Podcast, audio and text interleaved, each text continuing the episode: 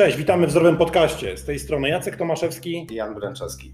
Dzisiaj naszym gościem jest Michał Klafetka, który 12 lat spędził trenując wioślarstwo. Sam pokonał dystans Ironman dwukrotnie, z czego raz jako osoba e, będąca operatorem e, w zespole Distance in Life, e, gdzie był operatorem osoby niepełnosprawnej. E, jako jeden z nielicznych w Europie dotychczas pokonał w ten sposób e, ten dystans i pracował w 20 branżach, przez co ma sporo doświadczenia z wielu branż, tak, także nie tylko trzy sporty jednocześnie, ale też 20 y, branż poznanych, jeżeli chodzi o pracę zawodową. Dokładnie tak, to właśnie ja, siemanko, cześć wszystkim. Cześć Michał, to może zacznijmy od właśnie e, tego Ironmana. Myślę, że to chyba była taka najbardziej medialna akcja w Twoim życiu do tej pory, zgadza się? Tak, dokładnie. E, też powodem właśnie tego startu było to, że zasiadłem na kanapie w TVN dwukrotnie. Pierwszy raz przed startem, drugi raz po starcie. E, poznałem e, pana Prokopa oraz panią Wermanową pana Filipa Heizera, także bardzo fajni ludzie, pozdrawiam się, tego będziecie słyszeć. Fajna przygoda, zasiąść przed ekranem dużym telewizoru, także Fajna, fajna przygoda. Naprawdę. W takim razie, jak już ten temat się pojawił, to zaczniemy trochę od końca, bo ja to też chciałem Was zapytać, ponieważ pojawiliście się w studiu dzień yy, po, właściwie poranek po yy, ukończeniu Ironmana, ukończyliście około tam godziny 22, a o 9 rano byliście w studiu, albo tak, pewnie tak. nawet trochę wcześniej. Tak. Pamiętam, bo oglądałem to na żywo i pamiętam, że y, pani prowadząca y, powiedziała, że pokonaliście Iron Maiden. Tak, dokładnie, także wróciliśmy z koncertu. Nie? Także wróciliście z koncertu. Jak to się w ogóle stało? Ja pamiętam, że ja po moim dystansie to leżałem jeden dzień z gorączką i raczej nie miałem ochoty na przemieszczanie się 300 czy tam 400 km do Warszawy. No powiem tobie tak, ogólnie to było bardzo ciężkie, ta sama podróż, no bo wiadomo, że sam ten dystans jest naprawdę potężnym wyzwaniem. Y, dla organizmu jest dużym wycieńczeniem. No i jesteś przede wszystkim bardzo, bardzo bolały. Sam wiesz jakie jest, tak? Stopy masz jak w 9 miesiącu ciąży, wiesz ile ważą nogi, e, każdy ruch naprawdę waży tonę po prostu, także jest to bardzo ciężkie. I po prostu było to tak ustawione, że wróciliśmy do mieszkania, szybko umyłem, mieliśmy kierowcę i pojechaliśmy do Warszawy, ja się rozluźniłem z tyłu e, środkami zewnętrznymi, także tyle co można było, to e, było zrobione. I tak naprawdę rano się obudziłem w jeszcze większych bólach, no bo wiadomo jak jest po dystansie no i też tam się jakoś doszłapaliśmy. Śmieszne było to, że po prostu w telewizji byłem na samych skarpetkach, bo w buty nie było szansy w ogóle wejść. To też pamiętam, bo to się na jakimś zdjęciu w social mediach pojawiło tak, tak, i, tak. i pamiętam, że to było dość charakterystyczne. E, swoją drogą, jeżeli chodzi o, tych, o to podawanie środków zewnętrznych, ja w, pamiętam, że w nocy z niedzieli na poniedziałek e, zjadłem e, półmetrową, w cudzysłowie, chamską pizzę. Przyjąłeś czy nie? Calutka wjechała, 4, nie, przepraszam, 42 cm y, wjechała cała, przyjąłem i następnego dnia dzięki temu nie bolały mnie tak bardzo mięśnie, bo się po mhm. prostu przestały zjadać mm -hmm. same. -hmm dzięki temu następnego dnia mogłem normalnie chodzić jak człowiek, więc myślę, że to, to, jest, to jest cenna rada, którą sam wypróbowałem. Minusem jest to, że jak masz zawody w niedzielę, to w nocy z niedzieli na poniedziałek mało co, yy, mała która restauracja dowozi cokolwiek, tak, więc tak. była naprawdę podła z najgorszego osiedla, ale smakowała cudownie. Tak zwana pizza szmata po prostu. trochę, trochę tak, trochę tak. Słuchajcie, może dla słuchaczy, którzy nie znają dystansu Iron Maiden, ile to jest? 3,8 wpaw, 180 roweru i 42,200 biegu. Czyli na początku 3,8 km płyniesz, płyniesz w pław, czyli na otwartych wodach, tak. później rower i na końcu maraton. E, no, myślę, że jest to wyzwanie dla osoby jako indywidualnej indywidualności, tak? A ty jeszcze e, robiłeś to wszystko w parze jako silnik napędowy, czyli e, no powiedzmy tych kilogramów do mm, przeczołgania przez ten dystans było dużo więcej, no więc można powiedzieć, że przebiegłeś dwa Ironmany, czy... Nie, nie, nie, to był nadal jeden dystans, tylko po prostu w trochę innej formule. Faktem, patrząc na moją karierę sportową, to było jedno no, z większych osiągnięć, bo też tam miałem jakieś e, medale mistrzostw Polski, tak, wyślarstwie i tak dalej, ale no, ten wyczyn, który dokonałem w mojej skali po prostu wartościowania y, tych sukcesów sportowych, to chyba było nawet numer jeden, tak myślę. Także też zrobienie dla drugiego człowieka, czegoś dobrego, wyciągnięcie go z domu i tak dalej, to też bardzo, bardzo fajnie na mnie wpłynęło, bardzo dużo się też Mikołajem nauczyłem. Także myślę, że ten cały dystans i tak suma summarum wyszedł bardzo, bardzo na plus. Okej. Okay. Jak długo przygotowywałeś się do startu? 12 lat.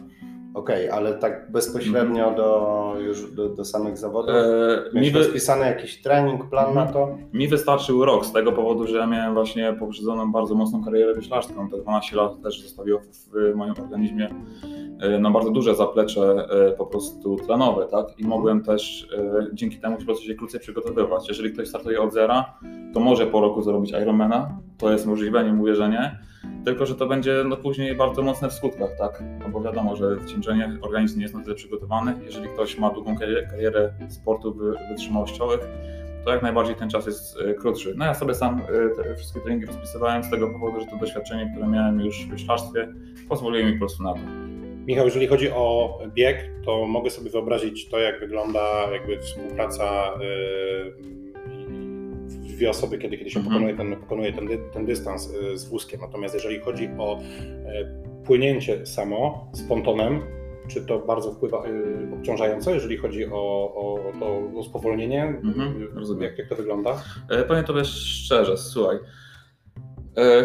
Sam myślałem, że to po prostu będzie większe obciążenie. Dużym obciążeniem było na wirażach no bo ja już musiałem zmienić kierunek, ponton nadal płynął w tą stronę, tak. którą płynął przed chwilą i to był taki bardzo krytyczny moment, że ja musiałem naprawdę dużo, dużo mocy włożyć, żeby zmienić kierunek po prostu płynięcia pontonu.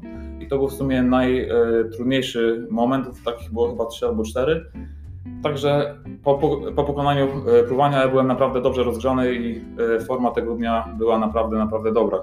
Z tego powodu, że po prostu czułem się naprawdę w mocnym gazie. Plan treningowy wszedł mi myślę bardzo dobrze.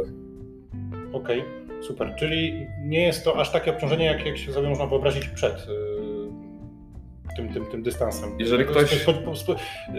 Zdziwiłeś się pozytywnie, że, że, że mhm. nie, nie, nie, masz takiego spowolnienia, takiego balastu. Jeżeli ktoś spojrzy z boku, no to może to wyglądać trochę hardkorowo, ale mówiąc szczerze, yy, dla osoby, która trenowała pływanie bądź po prostu pływała trochę po swojemu amatorsko, to myślę, że jeżeli by zaprzęgł yy, się yy, Mikołaj czy jakaś inna osoba, którą można było ciągnąć, to nie byłoby to większym problemem.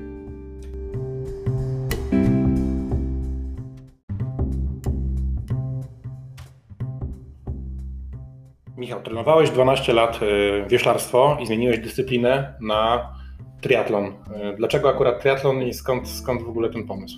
E, powiem tak, na, uświadomiłem po prostu sobie, że no to już kariera wyślastka to jest trochę zbyt późno, żeby e, odnosić tam jakiś e, większy sukces, chociaż to było moim no, potężnym marzeniem, kiedy trenowałem. Ja tylko podstawałem tak naprawdę w mojej młodości oprócz wyślarstwa nie miałem nic. To było dla mnie wszystko, to wypełniało każdy mój dzień i tak naprawdę wszystko było pod to ułożone. Ja takie po prostu miałem do tego podejście. No i tak zacząłem szukać jakiegoś zastępstwa, czym by się po prostu mógł zająć. No i też było brazylijskie jiu-jitsu, pozdrawiam Bydgoską Copacabana, też tam chwilę czasu spędziłem. E, był boks i tak naprawdę ten triatlon gdzieś tam się przewijał. Może bym zrobił, może bym nie zrobił. I pamiętam, że moim pierwszym dystansem w ogóle była połówka. Od razu? O, od razu połówka. No i tam zrobiłem czas 5.35 też na Starej Kozie, e, na Meridzie.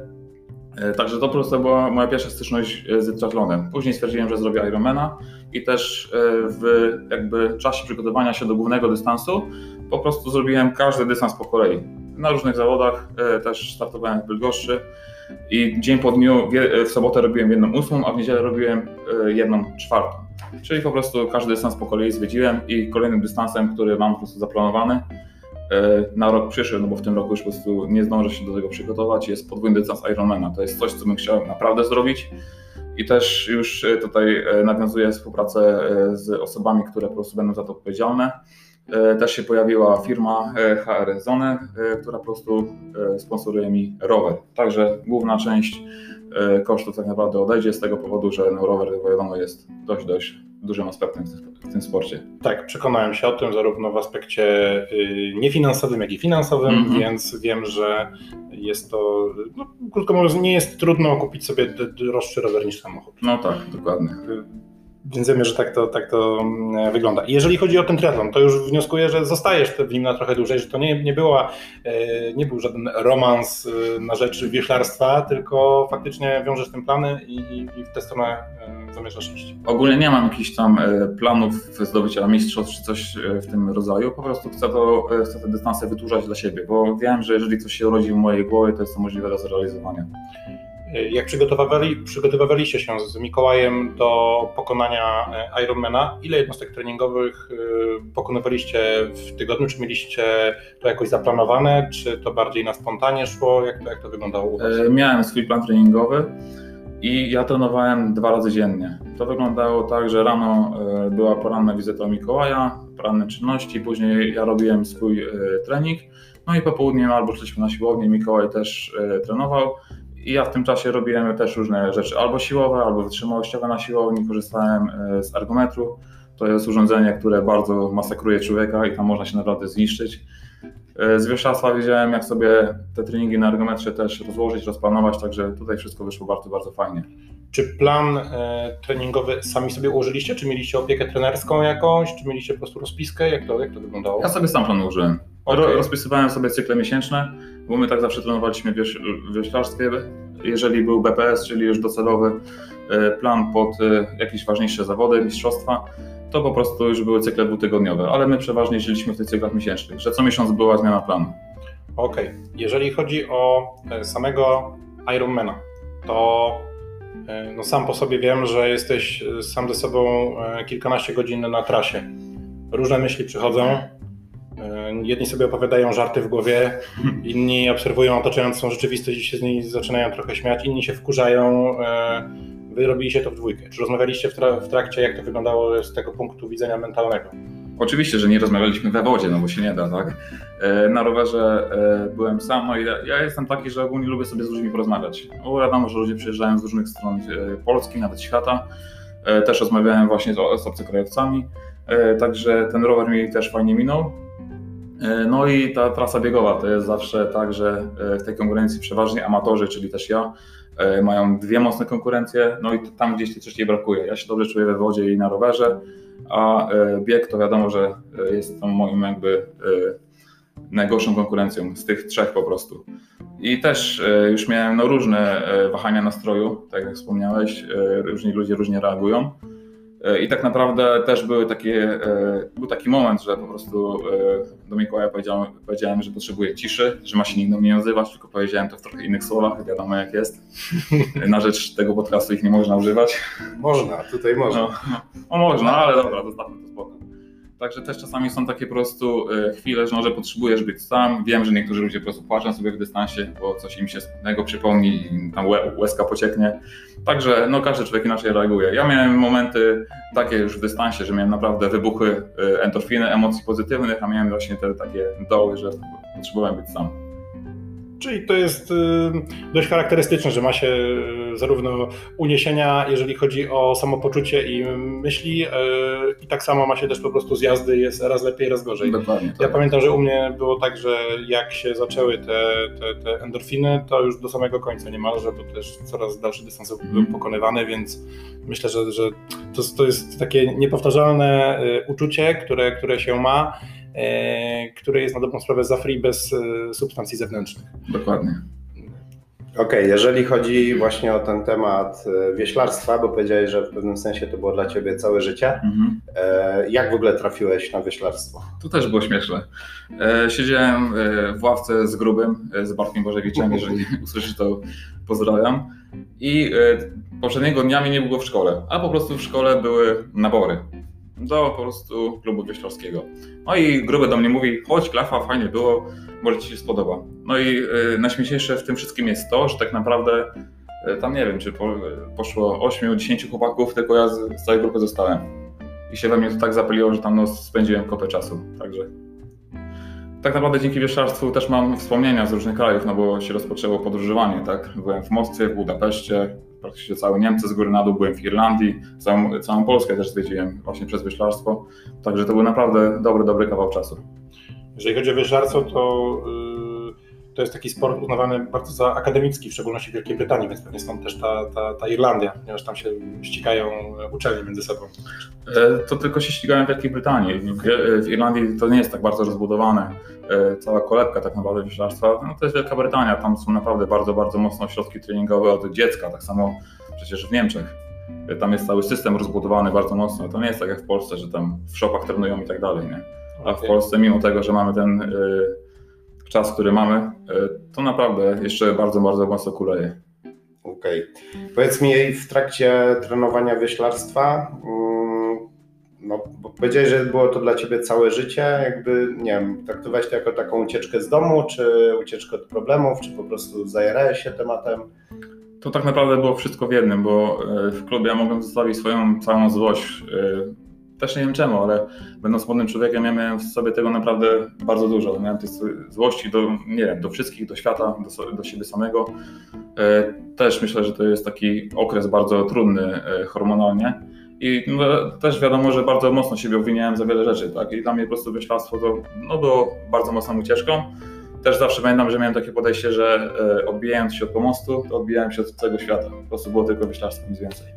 Okej, okay, czyli takie oczyszczenie się i nabranie dystansu, naładowanie baterii e, na przyszłość. No i powiedziałeś też już wcześniej o tym, że jakby mierzyłeś wysoko, ale nie, nie udało Ci się mm -hmm. tych mhm. celów w wyślarstwie zrealizować. Jak się wtedy czułeś, mając jakieś plany, wizje, no bo też mówisz, że widziałeś, że Ci to wychodzi, tak? Porównując do rówieśników, byłeś osobą, która została w klubie, reszta odpadła. Tak, tak. E, jak się czułeś w momencie, w którym nie osiągnąłeś celów, które sobie zakładałeś?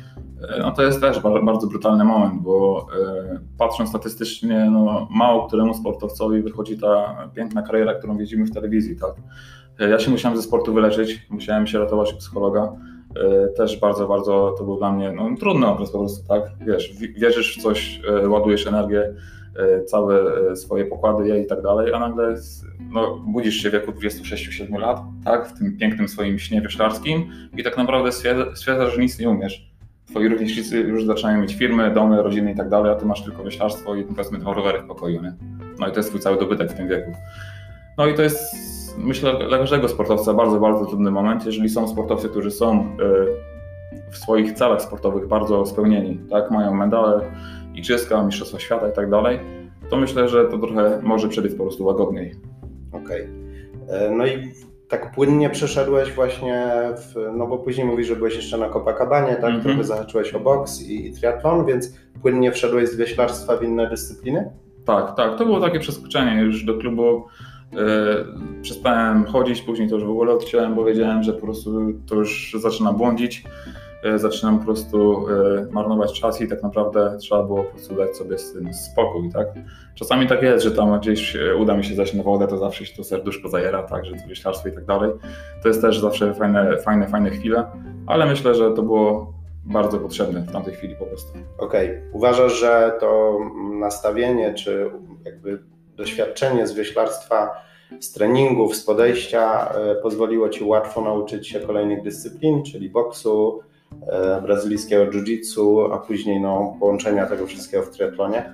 E, to na pewno. Ja się e, w klubie tak naprawdę nauczyłem wielu takich zasad, według których po prostu żyję do dzisiaj. Tak?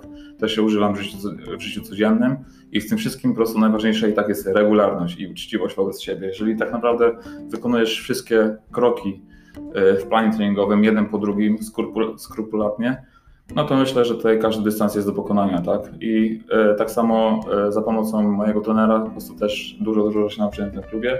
No i mówię, najwięcej po prostu się nauczyłem od słowa regularność, żeby cyklicznie powtarzać to, co się ma zrobić. Okej, okay. E, powiedz mi, bo mówimy dużo o jakby tym fizycznym aspekcie e, w sporcie, ale no, czy w wioślarstwie, czy w trakcie przygotowań do Ironmana korzystałeś z trenera mentalnego albo z jakichś elementów treningu mentalnego? Nie, nie, nie, nie absolutnie nie. Okej, okay. a co w ogóle myślisz o, o, tej dziedzinie psychologii, czy no taki, jest na to powoli trend. E, sprawdzałem, może tak krótko o tym powiem, wczoraj sobie sprawdzałem, e, zresztą taki był cel tego podcastu, żeby też trochę mówić o treningu mhm. mentalnym i uznałem, że jest to coś, co wiele ludzi zna, tak? A w sumie okazuje się, że jedną z najczęściej wyszukiwanych fraz e, w Google jest, czym jest trening mentalny, mhm. e, a nie nawet jakieś tam aspekty, jakie są elementy treningu mhm. mentalnego. Więc pytanie z Twojej strony, czy uważasz, że właśnie to ćwiczenie nastawienia, czy jakby świadome korzystanie z psychologii, z jakichś tam innych dziedzin nauki do wytrenowania swojego mentalu, czy jest to potrzebne albo przydatne w sporcie? Myślę, że na polskiej arenie, nie tylko wioślarskiej i po prostu każdego innego sportu, jest to po prostu przepaść w stosunku do, nie wiem, mm, Niemiec, tak, Wielkiej Brytanii i tak dalej. Moim zdaniem w Polsce to jest przepaść, to jest bardzo duże pole do naprawdę zarobienia milionów złotówek.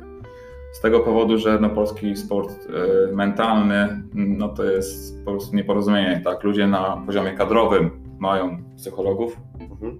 gdzie to tak naprawdę powinno być już na każdym szczeblu dostępne. Może nie w takim, y, w takim wydaniu, że każdy ma indywidualnego psychologa, ale nie wiem, jakieś zajęcia raz, dwa w tygodniu z psychologiem, żeby wiedzieć, jak myśleć w danych częściach dystansu, bo akurat w moim sporcie, wioślarstwie, e, mental to jest moim zdaniem pół sukcesu. Jeżeli ktoś ma dobrze w głowie poukładane, bo to się trzeba naprawdę na treningach zajeżdżać i tak samo e, podczas po prostu wyścigu e, psychologa reaguje w taki sam sposób, jak podczas zagrożenia życia.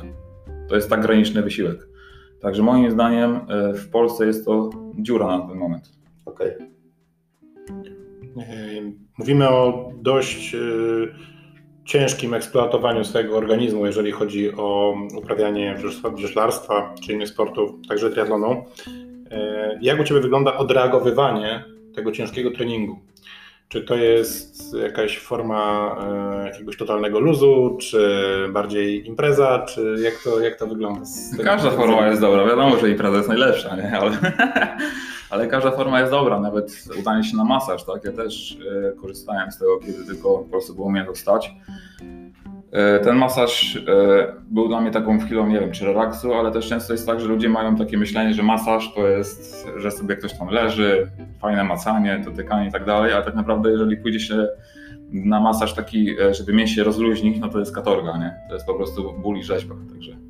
Pytam o to, bo to jest taki trochę temat tabu. Ludzie mają różne formy oderwania się tak, i, tak. i najczęściej jest tak, że wyobrażamy sobie że to jest 100% e, tylko i wyłącznie trening i sen, nie, ale rzeczywistość wygląda bardzo często inaczej i to gdzieś ostatnio w kilku różnych rozmowach e, na YouTubie z sportowcami mniej i bardziej znanymi no, zaczął się pojawiać ten temat, dlatego, dlatego też e, myślę, że to jest taka, taka tematyka, którą czasami warto odczarować. Czy planujecie jeszcze E, start jakiś w, w duecie, czy planujesz z kimkolwiek start w duecie w przyszłości, czy już planujesz się skoncentrować tylko i wyłącznie na swoich startach indywidualnych? Czy jesteś nastawiony pozytywnie do jakiejś współpracy w przyszłości, jeżeli chodzi o, o start z osobą niepełnosprawną jeszcze, czy, czy, czy?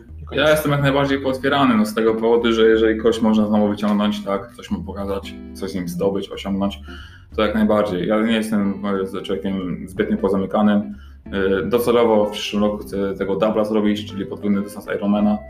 E, to jest po prostu mój cel na przyszły rok. Jeżeli się ktoś e, nawinie, że tak powiem, po drodze, z którym można było pobiegać, to na pewno to zrobię.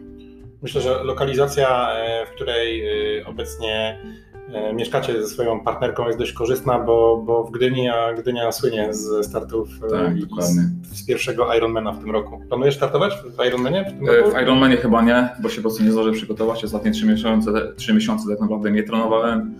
E, osiągnąłem swój szczyt wagi, swoją życiówkę. Osiągnąłem 107,5 kg, także takiej, takiej wagi ciężkiej jeszcze nie miałem. No i docelowo będzie trzeba zjechać z wagą, wiadomo, tak. Żeby w momencie korona... startu pamiętasz swoją wagę, kiedy, kiedy startowaliście z Mikołajem? 80 e, chyba 7,5, 88 coś takiego było. Jak szybko wygląda, jak wygląda zbijanie wagi w szybkim tempie u Ciebie, e, z, żeby się do, dostosować do, do wymogów zawodu? tak naprawdę e, osiągnąłem tą wagę, bo nawyki żywieniowe zostały, tak, a mój tyłek został na kanapie, także po prostu z tego powodu tą wagę osiągnąłem, ale w moim przypadku jest tak, że jeżeli po prostu wejdę już w swój cykl plan treningowy, to to samo zajdzie po prostu. Okej. Okay. Jak sobie radzić właśnie z tym, że no, przybrałeś kilkadziesiąt kilogramów, dwadzieścia? No, plus minus tak. Kilkadziesiąt to brzmi jak 80, ale dobra, przybrałeś 20 kilo i, no i jak się zabierasz za to zrzucanie? Typowo trening, e, po prostu dołożysz aktywność fizyczną i to wystarczy w Twoim przypadku, czy masz jeszcze jakieś metody? W moim przypadku yy, wiadomo, że mniej po prostu słodyczy, tak, no bo to jest naj, yy, po prostu to jest główny temat, czemu ludzie tyją, tak? Cukier, mąka i tak dalej. Także te, te rzeczy trochę odejdą na bok. Y, nie będę takim stuprocentowym czyściochem, że tam tylko owoce, nic więcej.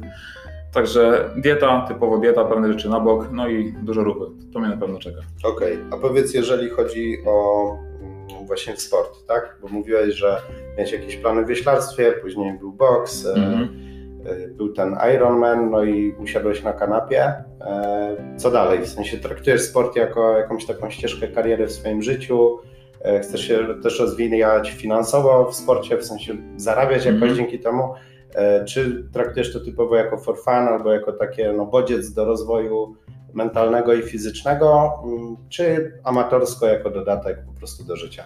E, wielu ludzi wokół mnie tak naprawdę e, w pewien sposób mnie popycha, namawia i tak dalej, żebym został trenerem.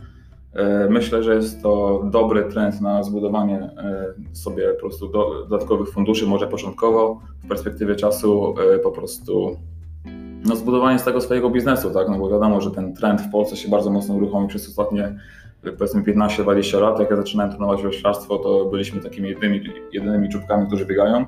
Już teraz to jest po prostu w Polsce bardzo, bardzo powszechne.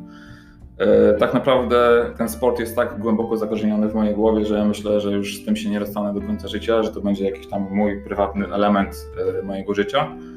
Także jak najbardziej tak. Okej, okay. to co teraz robisz na co dzień? Aktualnie sprzedaję armaturę łazienkową, czyli jestem sprzedawcą sedesów, tak można powiedzieć. No i będziemy ruszać tak, z przygotowaniami do po prostu podwójnego Ironmana. Okej, okay, no też e, dwa tygodnie temu w Bydgoszczy o tym rozmawialiśmy, że gdzieś tam jakby nie chwalisz się swoją historią, ma jest ciekawa, tak, tak. E, jest bardzo medialna, też rozmawialiśmy o tym na poprzednich podcastach, że czasami ludzie nie doceniają na przykład tego, że nie wiem, ktoś ma dobre wyniki w wioślarstwie, mm -hmm. ale bardziej doceniają, że robi się coś wyjątkowego, nie? Na przykład właśnie robi Ironmana e, z osobą niepełnosprawną. No więc e, no nie, może jest jakiś sposób, my też chcemy trochę przez ten podcast to zrobić, -hmm. żeby, żeby uruchomić e, sponsorów, tak? Wiem, że takiego sponsora znalazłeś, tak, tak, tak. właśnie wyjeżdżając za granicę. Mm -hmm do pracy, tak? Dokładnie tak. Była to firma, która pośredniczyła w moim zatrudnieniu w niemieckiej sortowni, także po prostu z tym człowiekiem nawiązałem współpracę no i będziemy na dniach prawdopodobnie to finalizować. Okej. Okay. No to życzymy, żeby, żeby sfinalizowało się po Twojej myśli, ale myślę, że to też jest taki trochę pokazanie, no trochę jak niedoceniany jest w Polsce sport, mhm. sportowcy, że gość, który robi unikatowe rzeczy na skalę światową, e, szuka roboty za granicą i gdzieś tam ktoś się zainteresuje historią i dopiero wtedy to sponsoruje albo przynajmniej wspiera. Ja mam na to taką myśl, że czasami trzeba w życiu naprawdę zabłądzić, żeby kogoś odnaleźć. Też w Polsce, nie wiem czy tak tylko jest w Polsce, e, zauważam po prostu to, to bo tutaj żyję. Też miałem e, okazję poznać e, trochę innych narodowości i wiem, że po prostu ludzie mają inne nastawienie do życia. W Polsce mamy ten bardzo mocny defekt, że my sobie umniejszamy, obniżamy swoim wartościom. Myślę, że jest to bardzo dziwne z tego powodu, że no, są ludzie, którzy robią potężne rzeczy, osiągają wiele w tym życiu. Przykładowo poznałem psychologa, mhm. Który szykował no, wybitnych ludzi do osiągania e, medali Igrzysk Olimpijskich. I on też stwierdził, że w sumie jego praca to tam tylko jest ubocze, że on tylko im pomaga, nic więcej. A on tak naprawdę wykonuje potężną pracę i to jest jeden z przykładów, który, który po prostu pokazuje, no, że my sobie w Polsce bardzo mierzamy. My jesteśmy naprawdę wybitnym krajem, wybitnym narodem. W moim odczuciu nie da sobie wmówić tego, że Polakom się nie chce. Ja słyszałem e, w tych pracach moich za granicą e, wiele dobrych słów właśnie o Polakach. I też tak naprawdę mieszkając w Gdyni, e, obserwuję jak ludzie załóżmy dowożą jedzenie na rowerach, gdzie wiesz, wali y, śniegiem z nieba, jest minus 5, a oni jadą na rowerze, bo chcą komuś dostarczyć jedzenie. Także ja sobie po prostu nie dam mówić, że Polakom się nie chce. Polak to jest człowiek, który jak sobie postawi cel, po prostu go osiąga, tak? Ja mam takie myślenie o tym społeczeństwie, także takich ludzi staram się szukać wokół nich, staram się po prostu gdzieś tam krążyć. Czy poza podwójnym Ironmanem masz jakieś plany startów w innych zawodach, czy tylko skupiasz się obecnie na tym, żeby wystartować w tym, w tym dublu w kolejnym roku? To znaczy, ja się na tym będę musiał skupić, no bo to jest też bardzo rozległy temat. Nie jest tak, że tylko jeździsz na rowerze, prostu biegasz. Wokół tego trzeba zrobić naprawdę dużo, dużo pracy, też e, pod kątem e, swoich mięśni głębokich, czyli będzie trochę powiedzmy gimnastyki na e, piłce gimnastycznej Także myślę, że na razie będę musiał, musiał na tym skupić. Wiadomo, że są jeszcze e, do tego też sprawy prywatne, tak, e, żeby po prostu człowiek mógł żyć. E, także też będzie trzeba jakoś to tak poukładać, żeby każdy dzień rozplanować, żeby dla każdego starczyło po prostu czasu. Super. Masz tatuaż na ręce, co on oznacza? On oznacza rower. Rower to są moje nogi, tak jak dla ciebie nerki.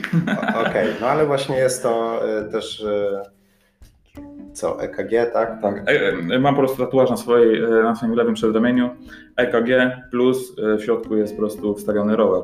Też jest to tatuaż, dzięki któremu który został zrobiony dzięki temu, że po prostu dostałem na swoje urodziny pieniądze i tak naprawdę grono najbliższych mi ludzi, czyli rodzina plus tam po prostu kilku bliskich znajomych dorzuciło się na ten tatuaż. Jest to moja pamiątka tak naprawdę z całego mojego życia. Okej. Okay. Dobrze, nie z samych urodzin. Jak w Cats Vegas, tak? To trochę inny. Tak, tak, tak. E... Inni na twarzy, tak sobie. No, właśnie. To też jest logo fundacji, którą założyliście. Dokładnie tak. E, powiesz, powiesz coś więcej o tej fundacji? E, tak, nie wiem, czy może to na razie nazwać fundacją. E, bynajmniej założyliśmy twór, który się nazywa Wake Up. Mamy wobec tego różnorakie plany. E, tutaj na razie zostało to e, pod bydgoski TEDx po prostu użyte, żeby to prawnie można było wszystko dobrze zarejestrować. Na razie jest to, że tak powiem, e, no mówię, początkowy twór. A czy coś więcej mogę powiedzieć? Jakie macie plany z tą fundacją? Bo trochę też tam mhm. rozmawialiśmy o tych planach. No jeżeli uważasz, że życie polega na znalezieniu właściwej osoby we właściwym miejscu, to może któryś ze słuchaczów będzie taką osobą. Może tak być, także jeżeli e, tutaj byście chcieli z nami nawiązać jakikolwiek kontakt, to na pewno przez Wake to będzie bardzo, bardzo proste. Też jesteśmy na mediach społecznościowych, także znaleźć, e, znaleźć nas e, będzie naprawdę łatwo. Także jeżeli byście chcieli w jakikolwiek sposób zaangażować, nie wiem, fundację, czy w robienie dystansu, czy może ja bym Tobie mógł jakoś pomóc przez to, że tę fundację prowadzimy, to naprawdę się warto odezwać i w ogóle się nie krępować. Okej. Okay. Organizujecie chyba w wakacje obóz? Tak, dokładnie. W te wakacje jeszcze nie znamy dokładnie daty z tego powodu, że po prostu ośrodek e, ma poblokowane terminy już przez właśnie wioślarzy z Bydgoszczy. E, także musimy tylko jeszcze datę ustalić. Chcemy, chcemy zrobić e, obóz triatlonowy, który po prostu będzie nowe osoby jakoś tam nakierowywał na ten sport. Być może uda nam się zapalić kilku ludzi do naprawdę fajnych, fajnych wyników. Okej, okay. dzięki bardzo za udział i wizytę u nas. E, życzymy w takim razie powodzenia w, w, w kolejnych przygotowaniach do, do, do startów i we wszystkich inicjatywach, które się podejmujesz, bo jest ich całkiem sporo. I do usłyszenia, jeżeli chodzi o y, kolejne sukcesy. Dzięki bardzo, to był Zdrowy Podcast. Obserwujcie nas na mediach społecznościowych. Myślę, że więcej materiałów o Michale też wrzucimy na naszego fanpage'a na Facebooku, Instagramie i na TikToku. No to jeszcze raz dziękuję za zaproszenie i pozdrow wszystkich. Trzymajcie się.